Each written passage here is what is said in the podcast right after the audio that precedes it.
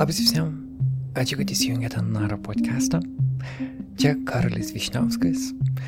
Vasarą dirbame kiek lėtesnių tempų, bet ruošiame jums naujus epizodus. Pirmasis jau kitą savaitę. O kol laukime jų, čia yra naujas Nara tekstų epizodas. Šiuose epizoduose mūsų kolegė Rugilė Matusevičiūtė skaito Nara publikuotus tekstus. Tai daro tiems žmonėms, kurie vėliau klauso mūsų žurnalistiką, negu skaito. Jūs yra daug ir jūs mums rūpit. Šiandien norime pasidalinti mokslininkės Jolitos Buzaitytės Kašalinė nesese, pavadinta Nukūninti gyvenimai. Kaip pandemija mus pakeitė. Gero klausimo.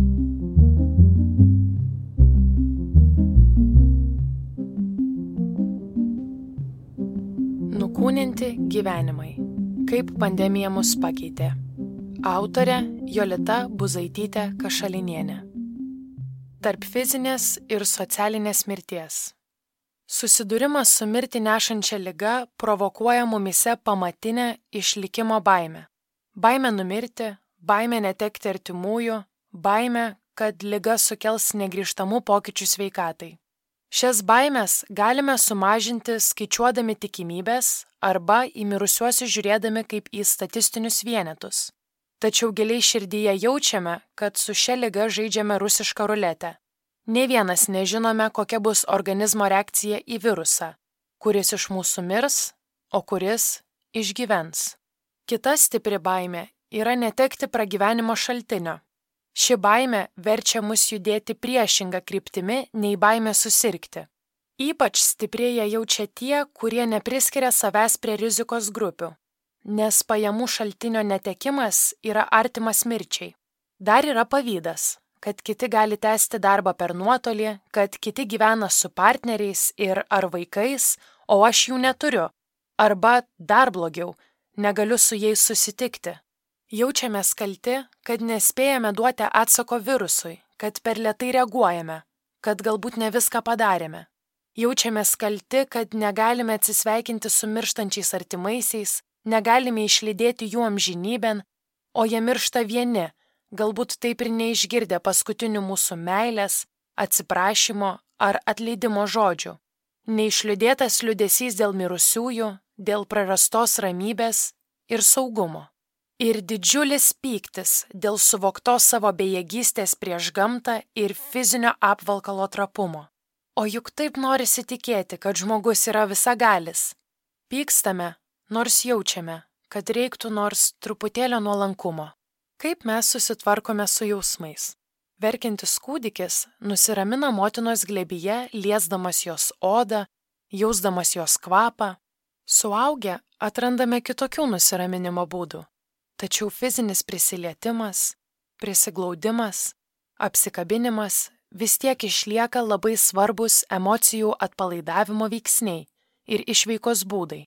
Ant kito pėties galime išlieti susikaupusias ašaras, kito glebyje galime patirti laimę ir džiaugsmą, tačiau kovos su viruso plitimu būdai fizinius kontaktus draudžia.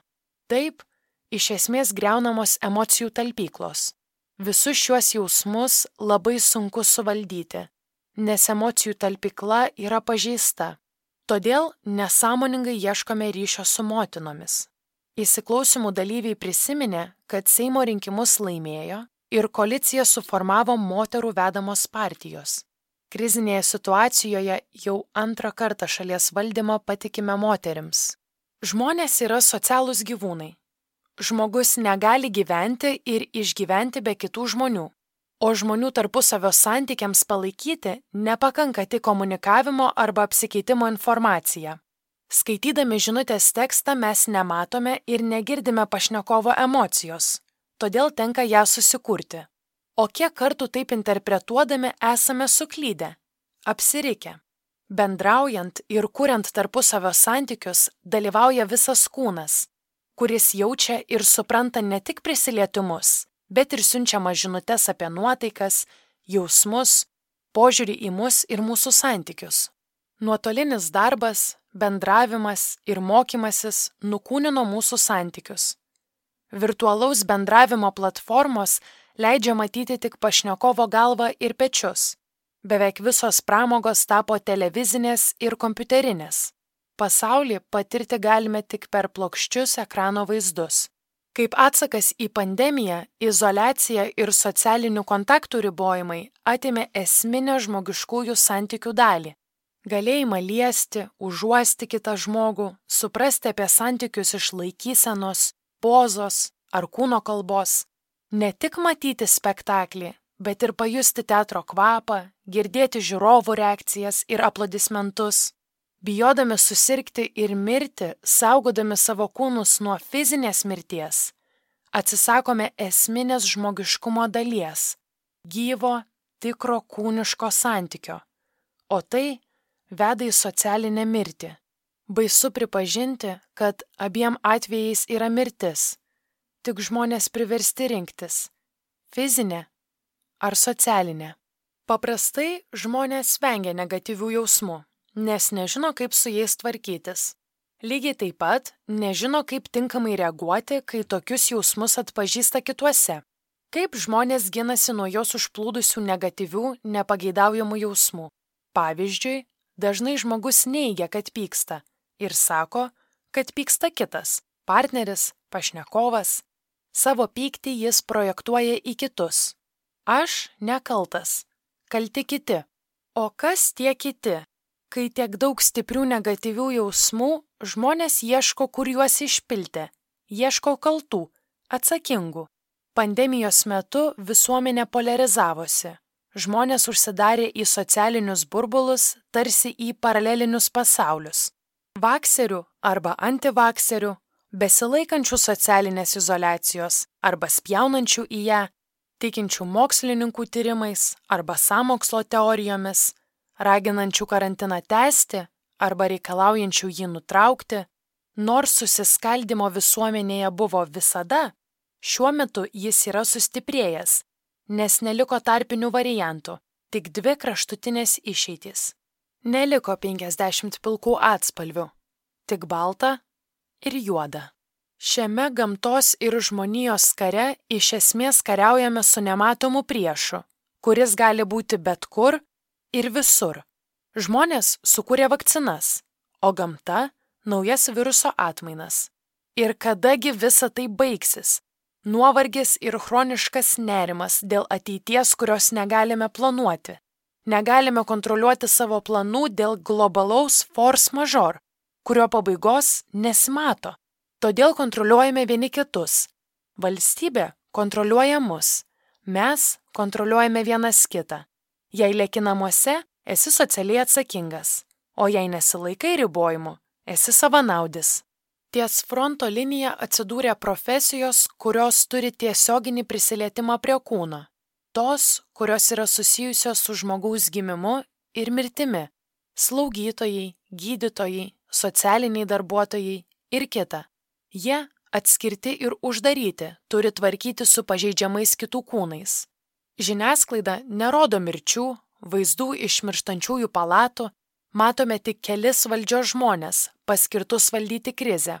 Ateities viltys siejamos su robotizacija, skaitmenizacija, dar išmanesnėmis technologijomis, o dabartinė sistema palikta tvarkyti su netobulais ir daug rūpeščių keliančiais kūnais, kad likusi visuomenės dalis galėtų džiaugtis gyvenimu. Fronte žmonės kenčia, lieka namuose, saviizoliuojasi, dirba ar savanoriauja ligoninėse, o užnugaris švenčia gyvenimą. Susitikinėja, nekreipia dėmesio į ribojimus. Vieni iš pandemijos karo daug uždirba, kiti praranda pajamų šaltinius. Susiskaidžiusios visuomenės dalys puola viena kitą, ginasi, kontroliuoja, užsidaro, atsiskiria namų ūkiai, socialinės grupės, uždaromos valstybių sienos, o gyvoms sistemoms uždarytos sienos gali grėsti mirtimi. Uždara sistema miršta. Gyvybei palaikyti būtini nuolatiniai mainai su aplinka. Kaip patvirtina ir Vilniaus universiteto mokslininkų grupės atlikti tyrimai, nuotolinis mokymas ir darbas nėra tikras.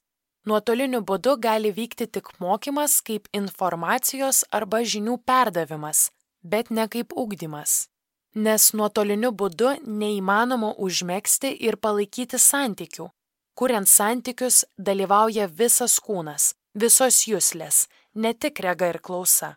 Kūno kalbą skaitome ne tik iš veido, bet ir iš viso kūno padėties, laikysenos.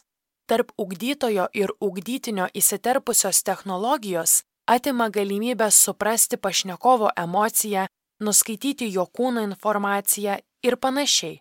Mokant nuotoliniu būdu keičiasi mokytojo ir tėvų vaidmuo vaikų ugdyme. Mokytojui tenka maždaug 20 procentų, o 80 procentų savarankiškam arba namų tėvų mokymui. Mokiniai nesijungia kamerų, jie prisijungia prie pamokos ir užsima kitą veiklą. Labai panašus dalykai vyksta ir darbinių posėdžių bei susirinkimų metu. Prisijungiame ir darome viską, ką norime. Netikrumo pojūtį palaiko ir namų bei darbo aplinkos sumaišymas. Toje pačioje erdvėje tenka daryti viską - ir dirbti, ir ilsėtis, tad sunku išlaikyti dienos ritmą, darbo rutiną. Vieni persidirba, nes nejaučia ribos, kiti negali įsijungti darbo režimo, nes namai veikia atpalaiduojančiai. Tad lieka nuobodulys, nuovargis, nes visada viskas taip pat. Laukimas, kadagi vėl galėsime grįžti prie ankstesnių savo įpročių. Begalinis neapibrieštumas, nesibaigiantis laikinumas. Kadagi baigsi šis karas? Kaip prisitaikyti prie neapibrieštumo? Šį tekstą rašiau 2021 pavasario pradžioje. Tada buvo ieškoma, kas laikosi, o kas nesilaiko taisyklių, kas skiepijasi, o kas nesiskiepija. Visuomenės pyktis krypo atsisakančiųjų skiepytis link, taip pat į neišnaudotas ir naikinamas vakcinų dozes. Žiniasklaida mirgėjo antraštėmis po įvykusių muzikinių apdovanojimų, kurie sukėlė ir politikų pyktį. Puota maro metu. Žmonės ieškojo, kam atiduoti tuos sunkius jausmus, kad nereikėtų stoti akistaton su realybė, kurią taip sunku priimti. Su Lietuvos grupių santykių draugija įsiklausimus rengėme norėdami paskatinti refleksijos kultūros sklaidą. Nepaprastai svarbu reguliariai reflektuoti, nes net ir sunkiausios patirtys bei jausmai turėtų būti įsisamoninti ir priimti. Svarbu išliūdėti ir atsisveikinti su tuo, ko netekome. Tada išsilaisvina energija, kurią anksčiau skyrėme laikytis praeities Tad dabar galime pradėti ieškoti būdų prisitaikyti ir veikti realybėje, kurioje esame. Refleksija padidina mūsų galimybės prisitaikyti prie pokyčių šiame nenuspėjamame pasaulyje. Galvojant apie ateitį ar visuomenės sveikatą, labai svarbus samoningumas ir pastangos išlaikyti pusiausvyrą. Samoningai susitikti su tikrove ir savo jausmais. Nebėgti, neneikti nepageidaujamus ar blogus jausmus, o juos atpažinti, įvardinti, išgyventi ir paleisti. Reflektuoti arba apmastyti, kaip jaučiamės ir kodėl taip jaučiamės. Visi jausmai yra žmogiški, juos mes visi vienu ar kitu metu jaučiame, išgyvename. Pykti, bijoti, pavydėti yra taip pat natūralu, kaip ir džiaugtis, grožėtis, mylėti. Svarbu išlaikyti pusiausvyrą tarp asmeninės ir kolektyvinės atsakomybių. Tai yra, kiek esu kaltas pats, o kiek kalta situacija, aplinka, visuomenė, valdžia ar kitos aplinkybės, kiek aš pats prisidedu prie situacijos, kurioje esu. Visuomenės susipriešinimas kyla dėl to, kad savo pyktį ir nepasitenkinimą projektuojame į kitus, pyksta kiti, ne aš. Dėl to, kad pradedame ieškoti, ką čia padarius atsakingu ir nubaudus. O juk iš esmės visi esame vienoje valtyje ir visi esame atsakingi už asmeninius ir grupinius sprendimus bei pasirinkimus. Ši sąmoninga būsena gal šiek tiek depresyvi, nes primena mums apie asmeninę atsakomybę ir neleidžia pabėgti į laimės, džiaugsmo ir nesibaigiančio šventės salą. Verčia būti tikrovėje, realybėje, o ne fantazijų pasaulyje. Neleidžia užsidaryti ir galvoti vien apie save, bet siūlo atsiverti ir pagalvoti apie kitus. Gal šis priverstinis susilaikimas nuo socialinių kontaktų privers mus susivokti, kiek yra svarbus susitikimai ir tikras tiesioginis kūniškas buvimas su kitais žmonėmis, kad meiliai reikia tikrų lūpų bučinio ir tikro prisilietimo, ne per technologinius tarpininkus, telefonus, kompiuterius ar robotus. Kai savo tyrimo metu su vaikais kalbėjomės apie nuotolinį mokymasi, Klausiau, ko jie pasilgsta. Visi sakė, kad pasilgsta draugų. Dar ši situacija žmonėms primena, kad tokioms nelaimėms įveikti yra būtinas visuomenės solidarumas, kad reikia bendrų kryptingų pastangų, kad po vieną neišplauksime, tik visi drauge. Pandemija padėjo rastis piliečių iniciatyvoms, savanoriams, žmonėms, norintiems ir galintiems padėti kitiems šaulių ir skautų organizacijos iš naujo atrado savo vietą, kur ir kaip gali tarnauti bei būti naudingos visuomeniai.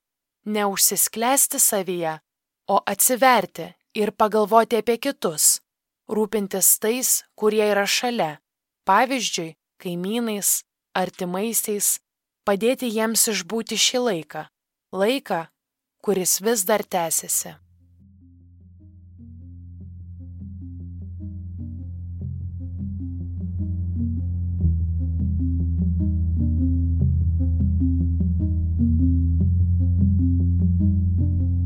Girdėjote Jolitos Buzaitytės kašalinės esė Nukūninti gyvenimai, kaip pandemija mus pakeitė. Ji publikuota NAR LT, o nuo šiandien ją galima ir iškirsti. Tekstą skaitė Rūgėlė Mutusevičiūtė.